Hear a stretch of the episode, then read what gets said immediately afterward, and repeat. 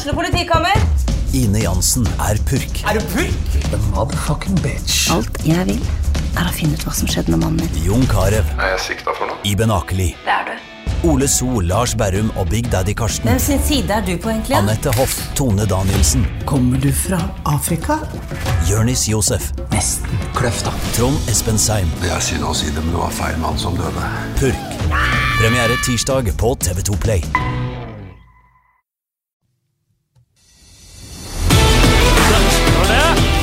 Skudd av Ulrik Saltnes! Har du sett på baken, Ulrik Saltnes?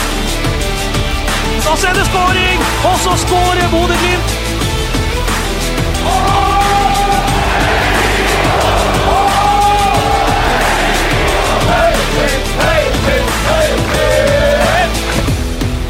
Velkommen til en ny utgave av Studio Glimt-podden.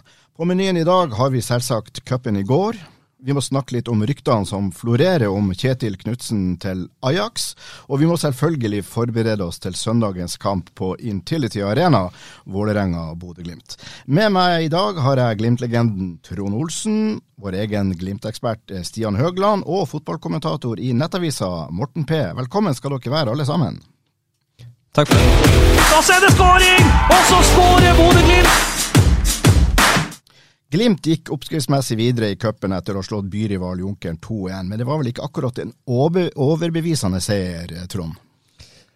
Eh, nei, overbevisende var det ikke, men eh, de gjorde jobben. Eh, de kom seg videre uten at eh, det var fryktelig kraftanstrengende for dem. Eh, de sleit litt på en, eh, på en bane som går veldig tregt. Du ser det i, i alt Glimt gjør, så, så går det litt tregt. Og Nordlandshallen må, må ta en del av skylda for det. For hvert touch de tar, så humper og spretter ballen litt. Og det, det gjør det litt verre når du ønsker å spille med et så stort tempo som, som Glimt gjør. og når de får tempo på ballen, så, så klarer ikke Junkeren å henge med på det. Eh, det får de ikke til i Nordlandshallen, så det skal ta litt av skylda for at det ble sånn det ble. Stian, du kommenterte jo kampen på TV sammen med Trond, da, og hva du sitter igjen med etter, etter oppgjøret i Nordlandshallen? Jeg sitter egentlig litt igjen med det, det samme inntrykket som Trond, og også samme inntrykk at jeg satt med i Mosjøen eh, for ei uke siden. Så du kan Det er mye som skurrer, det er mye som ikke sitter helt perfekt for Bodø-Glimt. Men det er en veldig profesjonell jobb. Du kan ikke ta en eneste av spillerne på at det ikke ser ut som de har lyst, at de ikke prøver. at De altså de, de er utpå der og gjør en, en he- 100 helhjerta jobb, og så er det ikke alt som sitter det, det er ikke terningkast seks på alt som leveres, men eh, en, en job well done er ikke det man sier når man går videre. Men seiersmålet kom jo ganske seint i kampen, da, og var dere på noe tidspunkt engstelige for at det skulle smelle ei bombe i, eh, i Nordlandshallen, Trond? Kanskje ikke at det skulle smelle ei bombe, for eh, hadde det gått til, uh, til ekstraomganger, så, så tror jeg ikke Junkeren hadde, hadde tålt det. og eh, Da tror jeg det ble ekstra tøft, for de sto vel stort sett i 20 siste halve laget og tøyde. Så um, da måtte Junkeren ha vært litt heldig og fått satt en ut av de sjansene de hadde rett etter 1-1. Um, så at det var noe fare, det, det følte jeg egentlig aldri, men um, det, det er fort gjort å smelle en, en ball feil vei der, så, så kunne det bli tøft for Glimt på slutten. Det var et par tusen tilskuere i Nordlandsland, stemmer ikke det, Stian? 2006 eh, var vel det offisielle tallet. Meget imponerende. og Det er bra mange år siden det har vært så mye folk i Nordlandshallen på, eh, på en enkel fotballkamp. eh, Så det, mm, det var utrolig kult. Morten, du var vel også en annen cupkamp i, i Oslo, nemlig Lyn-Vålerenga? Ja, jeg var innom den, og eh, det var også, som eh, det ble sagt her, en job, job well done. Men eh, fotballkampen som sådan, som spillemessig, var eh, jeg holdt på å si plagsom i perioder, fordi Bislett eh, er best egnet til spydkast og diskos. Men som en fotballkamp eh, i, satt inn i det norske fotballbildet, så var det aldeles praktfullt. Vi savner den typen fotballkamper, i hvert fall i Oslo øst mot vest. Eh, Lyn har vært en torn i øyet på Vålerenga helt siden bestefar Berg var der og herja på 60-tallet. Så eh, akkurat nå så sitter man med en følelse her at eh, Lyn må komme tilbake til Eliteserien så fort som bare mulig. Fordi Vålerenga trenger Lyn, og norsk fotball trenger Lyn. Det var bra med folk på, på Bislett, stemmer ikke det? Ja, det var over 5000, og det var jo noe så deilig som at hver gang det ble skåra mål, så ble banen storma. Og uten at det ble noe uh, kaos ut av det. Det var mye politi der, naturlig nok, men de oppførte seg eksemplarisk. De så at uh, her var det ikke noe vondt blod. Her var det bare ekstremt mye engasjement og veldig veldig mye savn. For akkurat Lyn-Vålerenga og Vålerenga-Lyn det er fotballkamper Oslo har savna helt tilbake siden ja, slutten 2009 var det vel Atle Brynestad tok penga sine og stakk mm. fra Lyn. Så eh, det eh, er noe vi har savna. I går fikk vi den ultimate fotballkampen, og da med et seiersmål i det 87. minutt, var det vel. Det, det, det, blir ikke bedre enn det. Det var jo noen andre interessante cupresultater i går. Vi kan jo ikke unngå å snakke om Stjørdals-Blink RBK 2-1. Ja, og det viser hvor Ja, unnskyld. Nei, nei kom igjen, Morten. Du er med. Det, det, viser hvor fort gjort det er å gå på en smell i andre og tredje runde i cupen, fordi eh, lag på nivå to og tre, og gjerne også fire, har faktisk blitt veldig mye bedre. De trener mer, og da så du Da kan Stabæk ryke 3-1 for Kjelsås. Lillestrøm, som spilte finale for et par uker siden, taper borte mot uh, Ullkisa, og Rosenborg da som selvfølgelig bare sliter og sliter og sliter. Eh, fortsatt ikke klarer å skåre mål, og taper i Stjørdal. Ja, men det, det, er jo helt rett som Morten sier der. Sier, altså, Trond snakka om det i går. Den spissinga som er gjort i norsk fotball med disse divisjonssystemene. Det er jo ikke noe tvil om at det har hjulpet. Det trenes bedre, de får bedre matching. Det, og det er masse gode fotballspillere i Norge som ikke spiller i i de to øverste divisjonene, og det ser man jo nå at uh, man skal ikke senke seg mange prosentene og en litt, uh, litt utfordrende bane før at det blir uh, altfor svett for en del av disse stjernene. Ja, og så er det jo ikke langt ifra at det trenes like mye i andre- og tredjedivisjon som det gjør på både ja, Obos og Eliteseriene, i tillegg til at mange av de guttene er på jobb på, på dagene. så eh, når de kommer de her store kampene, og de får muligheten til å vise seg frem og, og ja, eh, yte litt over evne til tider, så, så er, er, det en reell fare for at det, det smeller av noen bomber. og Det gjorde det jo i går, og det, det gjorde det i første runde òg. Det blir jo ny cuprunde allerede på onsdag for Bodø-Glimt sin del. i alle fall. Da skal Glimt til Trondheim for å møte Ranheim. Hva vi eh, kan forvente da? Jeg vil egentlig litt tilbake til uh, Stjørdalsblink. Ja, det skal du få. Ja, jeg må, jeg må få lov til å hylle en tidligere Glimt-spiller her, som Odd Karl Stangnes, som, som leda uh, Stjørdalsblink til, uh, bra, bra poeng, til, uh, til seier. Så det han har gjort de, de siste årene som trener òg, vært i Sverige og levert gode resultater og, og fått muligheten der nede, det, det er kanskje en trenerspire som, som er på vei opp og frem. Ja, og han har fått en vanskelig jobb i, i Stjørdalsblink der med hva han sa, 17 spillere ut fra i fjor. og De var jo nesten teknisk konkurs på slutten av Obos-sesongen i fjor. Så det var ikke bare å komme inn eh, og ta over et lag hvor alle spillerne var blitt værende så nå skal vi rykke rett opp igjen. Han har fått en, fikk en utfordring også der. Absolutt. Men Ranheim, det, det blir jo en tøffere match igjen enn en Junkeren. Ja, det blir det jo. Min gode kollega Freddy han ringte til Kåre Ingebrigtsen ca. tolv sekunder etter Ranheim eh, var trukket ut av hatten her, og Kåre hadde ikke eh, Altså, hans sending hakka, jeg hengte litt, så den, han hadde ikke fått det resultatet, og jeg skjønte sånn at det var ikke drømmetrekninga til Kåre Ingebrigtsen. Det, det, han, ifølge Freddy så klarte han ikke å skjule sin, sin skuffelse der over, over trekninga. Klart at Glimt var jo der og slo Ranheim ut i tidligere i år. Det ble vel 5-0, ble ikke det? I, eh, tidligere i vinter. Så Glimt var klart best, og så fikk jo også Ranheim sin beste spiller, Ruben Atle, ble jo utvist i går eh, når de gikk videre. Så um, Glimt skyhøye favoritter, og da får de jo spille på en god bane. Ja, det gjør de, og uh, kommer seg ut igjen. og uh, Forhåpentligvis så passer jo det Glimt mye bedre enn uh, en Nordlandshallen. Morten, hvem er det Vålerenga skal opp mot? Vålerenga skal til Bergen eh, og ut på Sotra. Eh, og det er en fin trekning for Vålerenga, det. De har eh, ingen grunn til å ta det som noe annet enn en veldig stor utfordring. Uh, Vålerenga trenger cupen, og de må skjerpe seg virkelig. Men i og med at det er et lag fra lavere divisjoner, så skal selvfølgelig Vålerenga vinne den kampen, men at de må ta den på høyeste alvor. Det er det ingen tvil om. Og Apropos det at uh, dere ringte til Kåre Ingebrigtsen, uh, og han ikke ble spesielt happy over å ha trukket Bodø-Glimt. Jeg, jeg, vil jo si det sånn at uansett hvem av de 31 trenerne fra de andre klubbene dere hadde ringt til, så ville dere fått akkurat det samme svaret.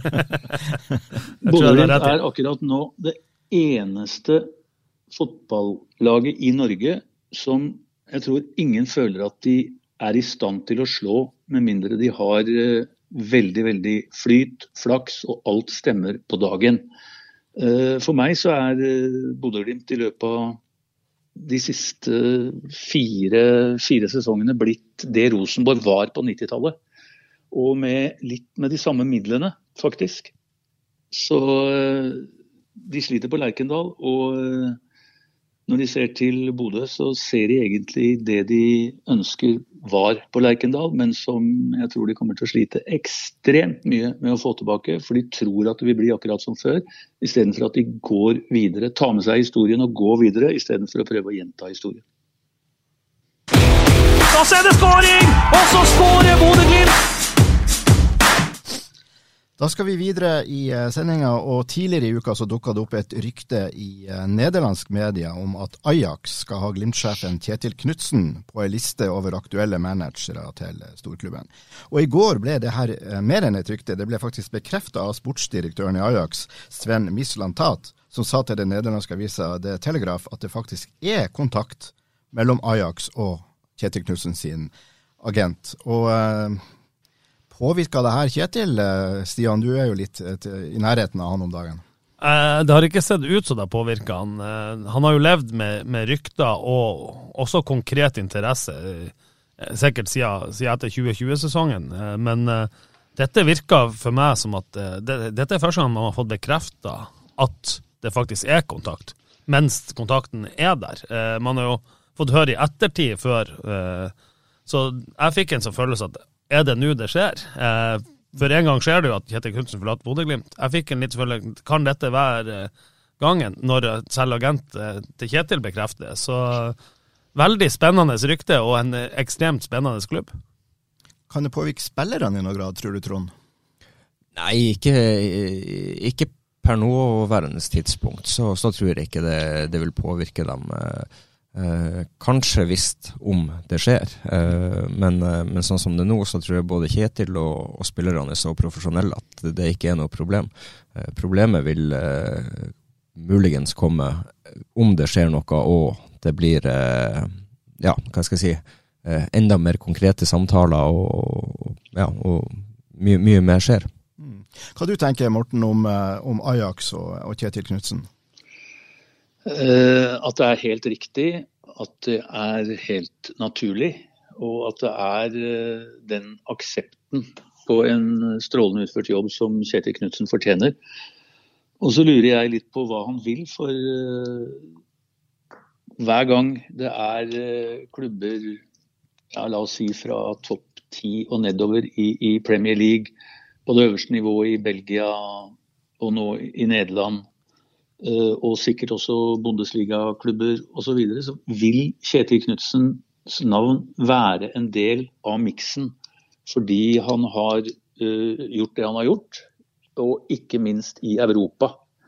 Uh, og det er som jeg sier, det er aksept på den jobben som er gjort i, i, i Bodø, og så er resten opp til hva Kjetil Knutsen vil. Men om han skulle få et tilbud om Ajax og han eh, skulle si nei til det, så han, sier han vel samtidig at eh, da skal jeg egentlig ikke noe annet sted, eller være trener noe annet sted enn i Norge. For uh, nå har han vært i Bodø i fem-seks år. Og han har levert på alle parametere. Og hvis ikke tida da er inne til å gå til et sted som Ajax, eh, kanskje Premier League er mye råere og kanskje ikke passer eh, hans gemytt, uten at jeg veit noe om det, så, eh, så ville Ajax nederlandsk fotball vært det neste helt perfekte steget, som igjen i neste omgang kan ta Kjetil Knutsen hvor som helst. Når det gjelder Ajax, så, så er det, det er jo en klubb som er kjent for å drive med utvikling av spillere og gjøre god butikk på dem. Men det er jo ikke noe tvil om at, det, at går, du der, går, du inn der som manager i Ajax nå, så må du prestere fra sesong én. De, de forventer seriegull. De, de, de syns det var forsmedelig at ikke de, at ikke de vant i år, og det, det, forventes jo rett og slett seriegull eh, i, eh, i eh, Amsterdam for Ajax kommende sesong. Så det blir, jo, det blir jo tøft der uansett, hvis han skulle ta en sånn jobb. Ja, men Det blir jo egentlig litt som å være trener i Rosenborg. det. De forventer jo gull, og alle driver jo på sitt nivå. Men jeg, jeg, jeg tror Kjetil Knutsen er mer enn bare en fotballtrener. Det er alt det andre han gjør også. Og så er det det som Glimt er ekstremt flinke til, og da sier jeg Glimt og ikke Kjetil Knutsen, fordi eh, hvordan spillere de siste sesongene som egentlig ingen har villet ha, har kommet til Bodø og blitt de beste spillerne i Eliteserien. Og det er ikke Eh, noen få, men det er veldig veldig mange. og Hvis du går tilbake til den beste sesongen av dem alle, i 2020, hvor eh, Junker, Sinkernagel, som begge kom, som, som var ubrukelige i Danmark. Eh, jeg har en god kompis som var sportsdirektør i Norrköping. De heiste flagget da Samsted dro til, til Bodø, og Brunstafett var ingen som kunne bruke, og Jens Petter Hauge var det knapt noen som kunne bruke. Uh, og til og med Amal Pellegrino ble en av Norges beste fotballspillere da han kom til, eh, til Bodø. Så det er noe mer enn akkurat det å sette sammen lag og finne en spillestil og gjøre alt det du skal gjøre innenfor 90 minutter. Alt det Bodø-Glimt eh, driver med, det er en slags 24 timer i døgnet-operasjon som, eh, ja, som du må tilbake til Rosenborg av 90-tallet for å ha sett i norsk fotball. Hvis vi ser for oss at, at det blir aktuelt at Kjetil faktisk eh, seriøst vurderer og etter hvert takker ja til Ajax, det, det, er vel sannsynlig da at han også Trond, det er vel sannsynlig da at han tar med seg det teamet han har rundt seg, Morten Kalvenes og co. Ja, det spørs hvem og hvor mange, men uh, det er ikke utenkelig at han tar, uh, vil ha noen med seg. Og, Kalvenes blir med, det er helt sikkert. Ja, uh, og så er det jo hvem som eventuelt blir igjen. men spørsmålet er jo hva som skjer i Glimt, og hvordan de løser det. for det blir jo fort litt sånn som det har vært i Rosenborg. Hvis du ikke kommer inn og leverer her igjen fra dag én, så blir forventningene til den treneren òg på, på, samme nivå som det vil være i Rosenborg og, og vil være for Kjetil i Ajax. Det er jo at det skal inn her og levere seriegull. Det er jo en snakkis i Bodø nå hvem er det man ser for seg kan komme inn og, og erstatte Kjetil Knutsen. Det var jo veldig mye snakk om det da det var aktuelt her for halvannet år siden, men da valgte han jo Glimt. Men hvis han nå skulle gå, hvem er det vi ser for oss som eh, eh Glimt har tenkt på? Er noen av dere gutter her i studio som har noen forslag? Nei, Du utfordra meg litt på det før i dag, og jeg, jeg, tenkte ja, hvem i all verden kan det være? Altså, eh, det er jo en som har en litt sånn nordnorsk profil, det er jo Paco. Uh, som, som, tidvis uh, får til fin fotball. I, ja, snakker vi Odd-treneren. Odd treneren, ja. ja. Um, så, han er, han er nordlending òg, uten at det skal, skal, skal, velte noe i en eller andre retninga der. Men det er jo en trener som i hvert fall spiller en fotball som jeg tror de syns er litt, er litt uh, tidvis i hvert fall attraktiv å se på. Um, så, så, jeg, så, jeg, har egentlig ikke tenkt på for jeg har sett på det som, som utopi. Det, altså, som, som, som, Morten var inne på her, altså det, Kjetil har nevnt i hver eneste trenerjobb som, som, lanseres egentlig på Europa de siste tre årene. Så jeg har liksom bare slått meg til ro på at dette er rykter gang på gang på gang. så jeg ikke tenkt så mye på det, men Paco er det første navnet som, som detter ned i hodet mitt. Du har jo Geir Bakke som et, uh, kan være et alternativ, og Horneland med det han uh, holder på å få til i, i Brann og, mm. og, Bergen, er jo, viser seg å være veldig spennende. Han, han, gjorde det jo brukbart i Haugesund òg. Eh, var ikke like heldig i Rosenborg, men igjen, det, det, er fryktelig vanskelig å være trener der. Har du noen tips, Morten?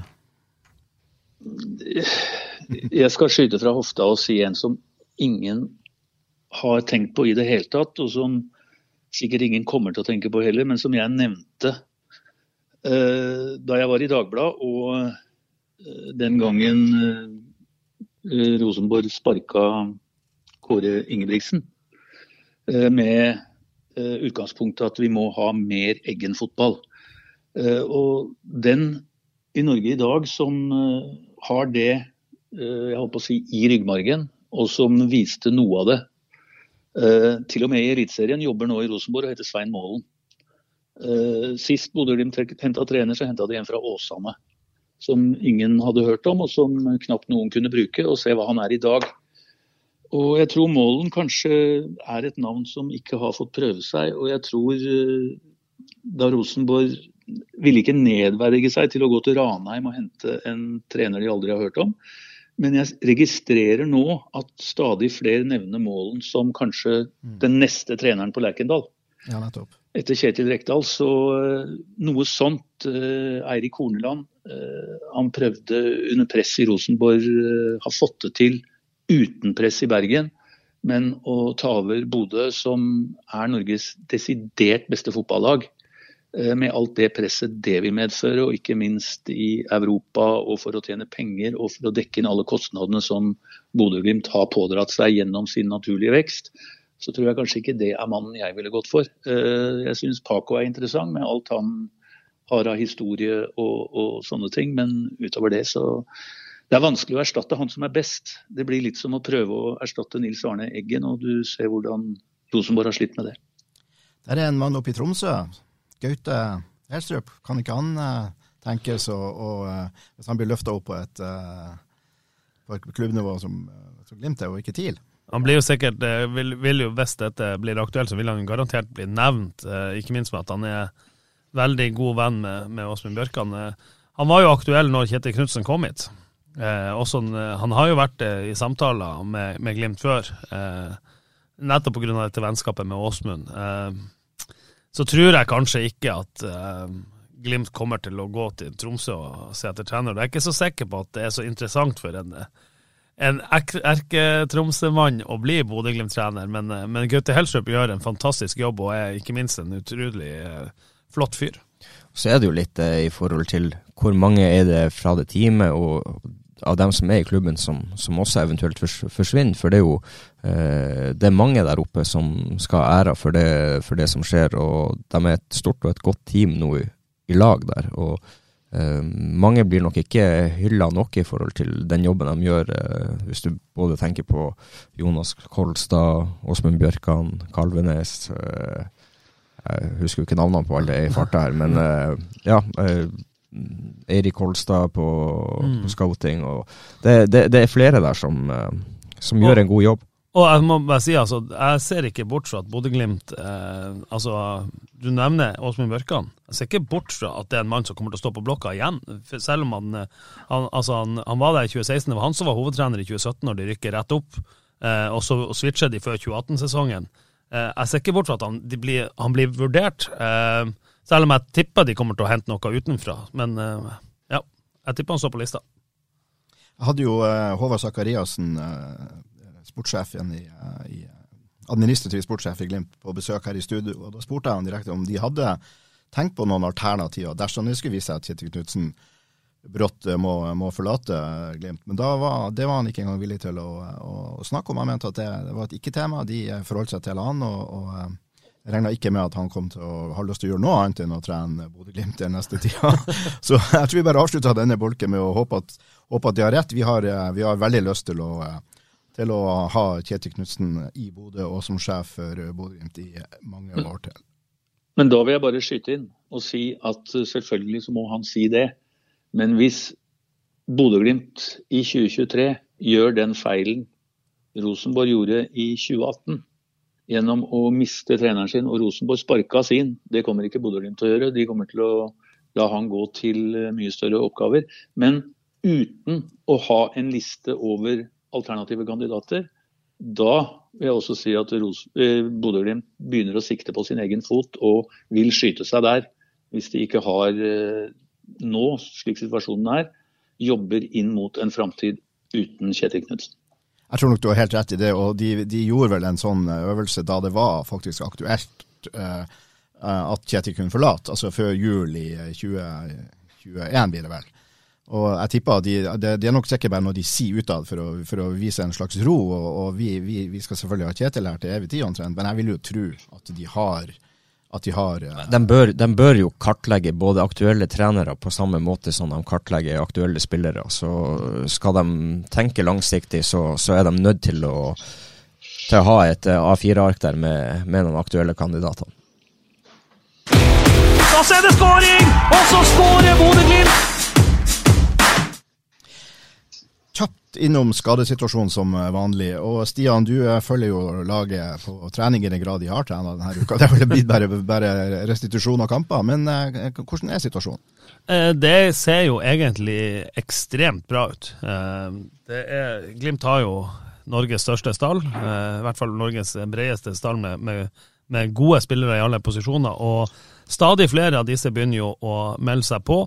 Eh, du har en Ask Kjerransen Skau som fra og med denne uka, det sa han vel i intervjuet med Freddy før kamp i går, at eh, planen er å være med for fullt på alt fra og med uka som er nå. og Det hadde gått bra så langt. Eh, det er klart De som ikke har spilt kamper, de har trent, trent bra. Ulrik Saltnes var ikke med på, på tirsdag, så, nei, på, unnskyld, på onsdag på, på noe av spillet, men kjørte ei knalltøff fysisk økt. og så har du Gaute Vetti, som vi knapt har sett på ei stund. Han så vi. Eh, jeg vet han har vært i Bodø, han har vært og trent i, i gymmen under tribunene der ikke vi ser de i det daglige. Jeg har bare sett han til lunsj. Eh, men han var også på feltet med fotballsko og slo et par pasninger under oppvarminga, og så var det også han eh, i lag med Ulrik på den tøffe fysiske økta. Da Lasse Nordås var jo ikke med i cupkampen mot Junkeren, eller han var med på tropp, i tropp. Eh, hadde vært syk og også slitt med ryggen, så der tok de ikke noen sjanser, verken med sykdom eller eh, litt hard bad. Så det er forklaringa på at, at, han ikke starta, men at de stilte med en stopper som spiste i går? Det er forklaringa på, på, på, Lasse Nordås, rett og slett. At han Kjetil sa jo det at eh, han har vært syk. Eh, han var jo ikke med i tropp eh, mot hjelp meg, Viking, eh, på, grunn, av sykdom, og ble frisk da til kampen, men har også slitt med ryggen. Eh, jeg, tror, jeg tror det er litt todelt, for det han leverte mot Mosjøen var heller ikke all nei. verden. Så at de ville se Isak i den uh, posisjonen, tror jeg også var noe de ønska i, i, i tilfelle Runar uh, også blir lenge ute. Ja, og På formasjonsregning på onsdag så spilte Isak stopper. Da var, det Odim, da var Lasse spiss. Eh, og jeg tror hvis det så 3-0 til Glimt den kampen i går, så hadde Lasse Nordås kommet inn, ikke Faris Pemi. Eh, Runar Espejord, som du sier, han eh, tror Det gikk veldig fort eh, opp til han sier, 85 eh, med den, denne vonde lysken. Og så har det gått veldig sakte etter det. Så han eh, har ikke vært med noe særlig på spill de siste dagene jeg har sett. Da har han vært eh, mye på løping. Og så det siste, det er vel Nino Sugell som sto over mot Junkeren rett og slett på sykdom og ble syk etter Vikingkampen. Eh, de hadde et håp om at han skulle kunne være med mot Junkeren, men de trodde ikke han kom til å bli klar, og det ble han ikke heller. Ulrik har vel sett eh, rimelig pigg ut på, på, det han har vært med på? Overraskende pigg. Altså, når du har vært ute så lenge som Ulrik har vært, så bruker jo ofte touchen og litt så altså, Ikke bare på Ulrik, men på, på alle fotballspillere så bruker de jo gjerne å lugge litt. Eh, og, og, du trenger noen, noen, noen, treninger på at du, du slår de rette pasningene, men jeg syns Ulrik har sett uforskammende frisk ut. og Jeg har sagt det før. jeg er steike glad for at jeg ikke skal ta ut en midtbane når uh, Ulrik, Albert, Fet og Hugo er tilgjengelig. Og ikke minst Fredrik Sjøvold. Det er en tropp òg som skal tas ut, så det blir, eh, det blir tøft.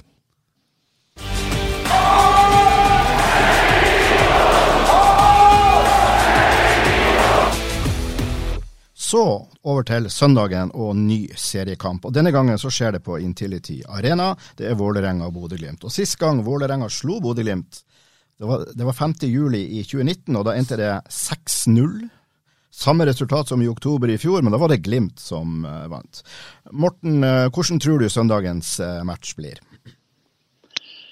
Jeg holdt på å si, Ikke som noen av de to du nevnte. Da Vålerenga vant 6-0, det var en veldig veldig rar fotballkamp. Fordi det, det, det var ikke i nærheten av å være 6-0. Men i fjor var det helt riktig at det ble 6-0. Eh, så, eh, og det ble jo 5-1 på Aspmyra, så Vålerenga har eh, mye dårlige minner.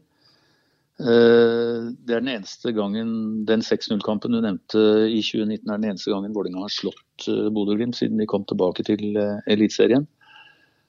Så men for, for, dem som for alle lag som møter Bodø-Glimt, de må ha en maks dag. De har hatt et par av dem, så det kan skje. Men uh, Bodø-Glimt er som vanlig veldig store favoritter. Du skriver i en kommentar i Nettavisa etter forrige serierunde, da Stabæk slo Vålerenga 2-1, at Enga spiller en veldig forutsigbar fotball. Kan du utdype det litt? Uh, de gjør det samme absolutt hele tida. De har ingen plan B. Og når det virker, så virker det veldig bra. Når, de, når, bevegelsene sitter, når de ikke bare spiller på fot, men tør å utfordre rom og ha bevegelser inn bak motstander, som de hadde i første omgang mot Lillestrøm, som de hadde mot HamKam. Men med en gang det låser seg når balltempo blir for dårlig, når bevegelsene blir for dårlige og når pasningene blir for feige, Eh, når sentral midtbanespiller stort sett bare spiller ballen på tvers og bakover, da begynner Vålerenga egentlig å ser ut som et håndballag. De bare spiller rundt og rundt og rundt. Eh, og så kommer det balltap, så blir de tatt på kontringer. Eh, og da setter de seg sjøl i problemer. Søndagens kamp blir ekstremt spennende. og Jeg jeg tror veldig mye står og faller på det første kvarteret, 20 minuttene. Hvordan, en, hvordan Bodø-Glimt kaster seg over dem, og to, hvordan Vålerenga klarer å forsvare seg. Og hva Vålerenga evner å gjøre med ballen. Hvis det går i et rusletempo og de skal drepe kampen og satse på noen kontringer, så er jeg redd at det kan bli stygt. Trond, dine tanker?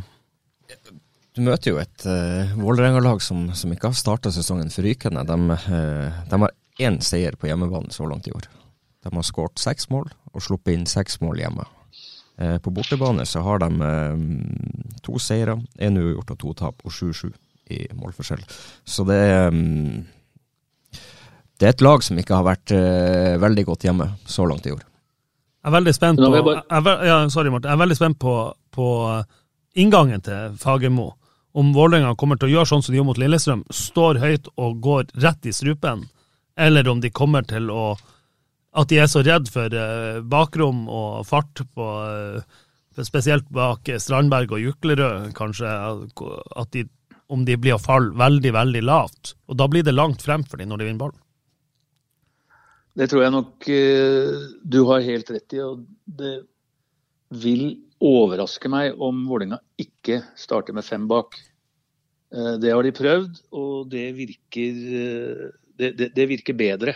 Spesielt hvis Juklerød skal spille til venstre, for han er ikke Norges beste venstreback defensivt. Så de har spilt uh, 5-4-1, og det tror jeg de kommer til å starte med mot, uh, mot Bodø også. Og så ja. er jeg ikke helt enig i det som Trond sier i forhold til hjemmestatistikken, for jeg har sett flere av de kampene. Uh, mot Lillestrøm var Vålerenga klart best helt til de fikk uh, uh, ja, Juklerød igjen utvist. Så, og da ble de litt feige og, og, og, defensive. I den første kampen mot Sarpsborg så hadde de også grei kontroll på det inntil de slapp, bare slapp inn et par drittmål. Men det, det, det, har vært veldig veldig mye tilfeldigheter. Men nei, Vålerenga har ikke vært gode. Men noen ganger har de fått litt dårligere betalt enn fortjent, og andre ganger har de ja, sluppet billig unna. Men det plager dem fremdeles at de kun har én seier på hjemmebane så langt. Eh, ja, de har spilt tre kamper hjemme i år, men tre poeng eh, av ni, det, det, er ikke godt nok for et Vålerenga-lag. Nei, men i to av dem så har de nådd det jeg vil nesten kalle maksnivået sitt. Og Det er jo det de egentlig må tenke på. Og så får de ta det tapet mot Lillestrøm da med ti mann. Og to mål på overtid som ja, sikkert skyldes at det var helt utslitt. og Det var den perioden Lillestrøm også var i flytsonen, og hver gang klokka passerte 90 minutter, så skåra Akor Adams et mål. Og han gjorde faktisk det to ganger i går òg, så Men sånn er det. Så det er litt tilfeldigheter og flaks og uflaks i fotball òg. Bortsett fra når vi snakker om Bodø-Glimt. Da er det stort sett bare dyktighet og repetisjon av det de har gjort i mange år, som bare tar dem videre og videre og videre. Men hvordan er stemninga i, i Vålerenga og rundt eh, Fagermo? Er det noen som stiller spørsmål ved hans uh prestasjon og med det, han, med det han gjør? Ja, det vil det alltid være. Og på tribunen så vil du alltid ha eh, grupperinger som ikke er fornøyd når eh, fotballaget ikke vinner. Men uh, Vålerenga har litt jeg på å si falske forventninger til seg sjøl. Det sies at det er en stor fotballklubb, men hvor stor fotballklubb er det når økonomien er ja, under halvparten av det som eksempelvis er i lille Bodø. Uh, Vålerenga har det de har. Uh, de trenger en uh, sentral midtbanespiller, og de trenger en målskårer. Så å forvente at Vålerenga skal bli noe mer enn ja, fem fra fem til åtte, det, det, det syns jeg egentlig er urealistisk. Vålerenga er i dag akkurat der de var i fjor. Eh, jeg mener å huske at etter elleve kamper i fjor så lå Vålerenga på 14.-plass. Da var det veldig, veldig mange som sa det som sies i Trondheim nå, at treneren må gå. Og 10-15 serierunder, eller ja, det var fem serierunder igjen, så lå Vålerenga med los på topp tre. Så ja. det skjer veldig fort ting i norsk fotball fordi det er så jevnt. Alle kan slå alle, bortsett fra Bodø-Glimt. Eh, og derfor så, så er situasjonen som på Valle sånn som den egentlig pleier å være. Ikke noe, ikke noe annerledes. ja, jeg må bare si bare, jeg, Sorry, jeg må bare ta det med en gang. For jeg glemte en mann. Fredrik André Bjørkan på skadesituasjonen. Ja, kom igjen. Eh, han ble, var jo tok bilder på tirsdag, og bildene hadde vel vist at det var noe arrvev. Det var noe det Arrveven fra hans forrige strekkskade, det var noe skade på. Eh, men ingen ny strekk. Eh, så han ville ikke si at den kampen på søndag er uaktuell. Heller tvert imot at han hadde et veldig godt håp om å være med på Vålerenga. De har vel en treningsøkt i morgen som er litt avgjørende i forhold til Det Til det, ja. Vet du om, de, ja. om den, den, økta gjennomføres i, i Oslo? På? Nei, jeg tipper Glimt reiser. Trener som De bruker ofte å trene på lørdag litt ut, godt utpå dagen, og så flyr de rett etterpå. Og det kommer til å skje i morgen. Ja, men jeg vet ikke, Morten, hvor varmt er det i Oslo? Vi har jo ikke hatt eh, Vi, vi har jo hatt til sammen 20 grader i, i, i, hele mai og juni til sammen, så jeg, jeg frykter at det var meldt en 5-26 grader i Oslo. Da blir det jo heteslag på alle som, oss som kommer no sørover. Vil dere virkelig at jeg skal si det? ja. Når jeg ser ut av vinduet nå, så ser jeg ikke en eneste sky. Eh, og gradestokken da, den er ja, vi har flere varmegrader nå enn dere har hatt da i hele forrige måned til sammen. Ja. Så her er det sommer og utepils og alt som forbindes med eh, juni. Eh, og jeg tror ikke det gir Bodø-Glimt noe mindre lyst til å komme til byen. Og det at eh, i det hele tatt nevnes som et lite problem at en venstrebekk i Bodø-Glimt er skada, det, det, det, det må gjøre vondt alle andre steder, for det kan ikke engang regnes som en flis i fingeren. altså er det en klar oppfordring til supporterne at de må huske å ta inn nok væske nå. Ja, og solkrem. Og solkrem, ja. Godt du sa og det. det er det mange av i Oslo. Det er mange nordlendinger og mange Bodø-Glimt-supportere, så søndag kommer til å bli en fest på Intility. Ja, det er vel solgt nærmere 1000 bortebilletter igjen eh, på, på, med Glimt-supporterne, og det ja, det bor mange sørpå, men det er altså steike mange som reiser fra Bodø hver eneste gang. Det vet vi som er på flyplassen og, og, og tar disse flyene. Det er så imponerende det de gjør med måten de reiser på, og, og så mange som også reiser herfra. I, men det har jo i mange mange år, fra du spilte Trond òg, så var jo Glimt i sør var jo god da òg. De var gode da òg, men, men, men, jeg tenker jo tilbake på, på i fjor, så må det jo ha vært flaut og pinlig for Vålerenga når uh, Glimt-fansen da begynner å rope 'dette er Aspmyra' på Intility. Ja, men det var jo en spesiell kamp, og Glimt Ja, men uansett ja, jeg, jeg, må bare si, si, den kampen her, for det ble veldig mye skitkasting mellom hvem som var best av supporterne i den kampen. Jeg satt, uh, Morten, du satt nå ikke så langt unna meg på, på pressetribunen. Uh, jeg var imponert av klanen da, at det var veldig få som gikk hjem. Når du satt med på banen, du hørte Glimt-fansen veldig godt, og du hørte klanen veldig godt. Selvfølgelig var klanen veldig mye mer folk, men det var imponerende fra begge supportergruppene da. For det, det er noe å stå og synge til laget ditt på 06 òg, altså, men, og Glimt-fansen var steingod også da. Men det, det, er jo noe av styrken gode, til gode supportere. Altså selvironi og galgenhumor. Og hva skal du ta i bruk når du blir pissa på av Norges beste fotballag og taper 6-0? Hvis du da ikke engang kan ha litt selvironi og bruke litt galgenhumor, da, da, da, smaker ikke ølen etter kampen veldig godt. Holder nå for øvrig klan for å være det, det sterkeste supportermiljøet i, i, i Norge. og det er jo ganske sterkt å tenke på det når, du, når vi ser hvor svake sportslige resultater Vålerenga har de, de siste årene. Så skuffer skuffa jo klanen aldri. De leverer jo år etter år. Er ja, det, det, det, er, det, er mange, det er mange gode fotballsupportere rundt i Norge. og det er godt å se at fotballen vokser, og til og med på Aspmyra. For det har vært eh, et av de få problemene jeg har hatt med Bodø-Glimt de siste åra at det har vært lite folk på seriekampene. Det har vært stinn brakke når dere har spilt i Europa. Men uh, i flere av seriekampene syns jeg det har vært eh, litt uh, Molde-tendenser i Bodø. Men det har blitt veldig veldig mye bedre i år. Og det bare forsterker inntrykket av at Bodø-Glimt er i ferd med å få enda en brikke til å falle på plass. Og da gjenstår det bare å bruke alle de uh, penga som klubben tjener, og ikke bruke på spillere Eh, og som de kommer til å tjene, til å få realisert den nye stadion, sånn at kan, dette her kan vokse inn i framtida. Sånn at det ikke bare blir en epoke i Bodø-Glimts historie eh, de fem, åtte, ti åra vi dominerte norsk fotball, at det klarer å bygge et fundament, sånn at Bodø-Glimt blir en eh, stor og viktig faktor også inn i framtida. Det var et veldig godt poeng i forhold til det med supportere til Glimt. Før var det jo ja, noen få på, på J-feltet som, som, stilte i gult og, og, var der. Nå er det jo kult å være i gult, og nesten hele stadion kler seg i gult når de går på kamp. og det er, det er vanvittig bra å se. og Når du kommer opp, opp på stadion og du ser at den er knallgul istedenfor eh, alle andre farger, så, så gjør det noe med deg som supporter. og Det er mye lettere å få dratt med hele stadion. Vålerenga-Glimt spilles altså klokka 17 på søndag, og av de andre kampene i denne runden kan vi kanskje trekke frem kveldskampen Viking mot Molde? Det blir en uh, utrolig spennende kamp med to gode lag, så det, den gleder jeg meg til. Ja. Hvordan tror du den kampen eh, ender? Tror du Viking har noen sjanse mot et Molde-lag som nå ser ut til å ha våkna uh, ettertrykkelig, Morten? Nei, jeg tror ikke det. Jeg tror Molde er i ferd med å finne seg sjøl, og det er på tide. Er, de er vel tolv poeng bak Bodø-Glimt. Mm. Det er veldig mye, men de vant med 18 i fjor, så ingenting er umulig.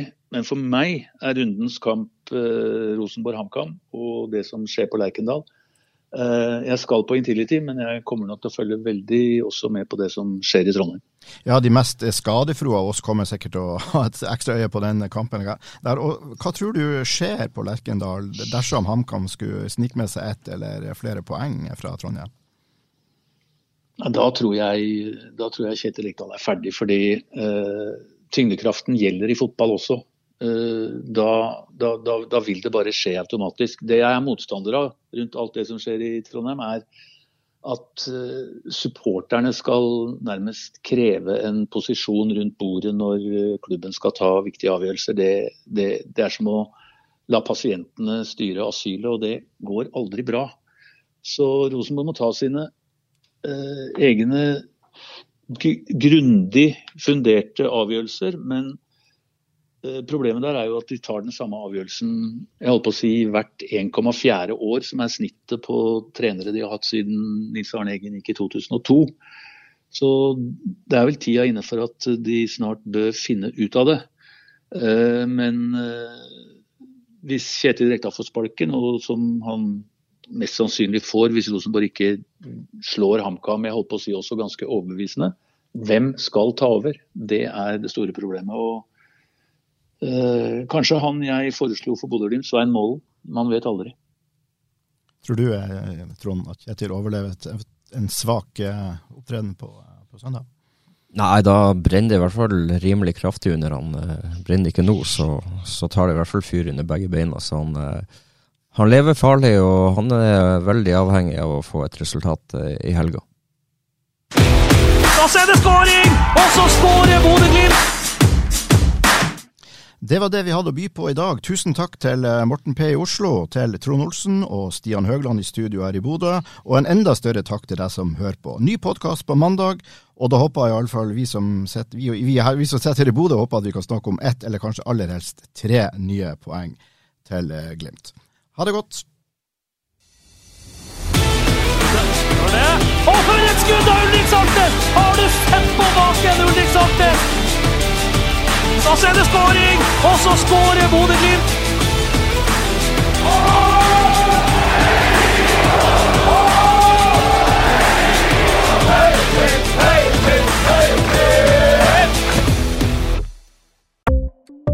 Ukens annonsør er Hello Fresh.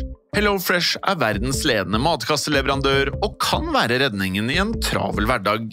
Mange av oss har nok vandret i butikken både sultne og uten en plan for middagen, som ender med at vi går for de samme kjedelige rettene gang på gang.